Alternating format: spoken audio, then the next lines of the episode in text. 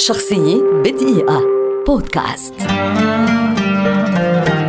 مايكل أنجلو عبقري عصر النهضة. رسام ونحات ومهندس وشاعر إيطالي ولد عام 1475 وكان لإنجازاته الفنية الأثر الأكبر على محور الفنون ضمن عصره وخلال المراحل الفنية الأوروبية اللاحقة. كان يبحث دائما عن التحدي وأغلب المواضيع التي كان يعمل بها كانت تستلزم جهدا بالغا وكان يختار الوضعيات الأصعب للرسم والنحت.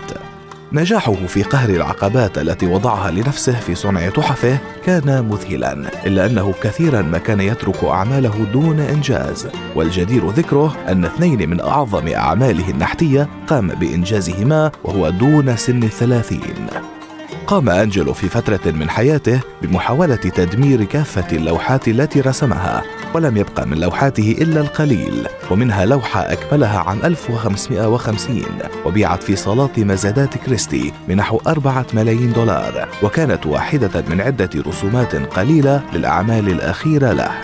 بالرغم من اعتبار رسم اللوحات من الاهتمامات الثانوية عنده تمكن أنجلو من رسم لوحات جدارية عملاقة أثرت بصورة كبيرة على منحى الفن التشكيلي الأوروبي وما يعتبر فريدا في حياة فناني عصر النهضة أنه كان الفنان الوحيد الذي تمت كتابة سيرته على يد مؤرخين بينما كان لا يزال على قيد الحياة.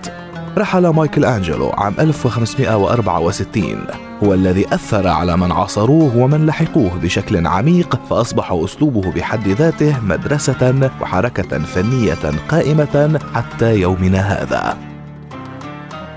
شخصية بدقيقة. بودكاست.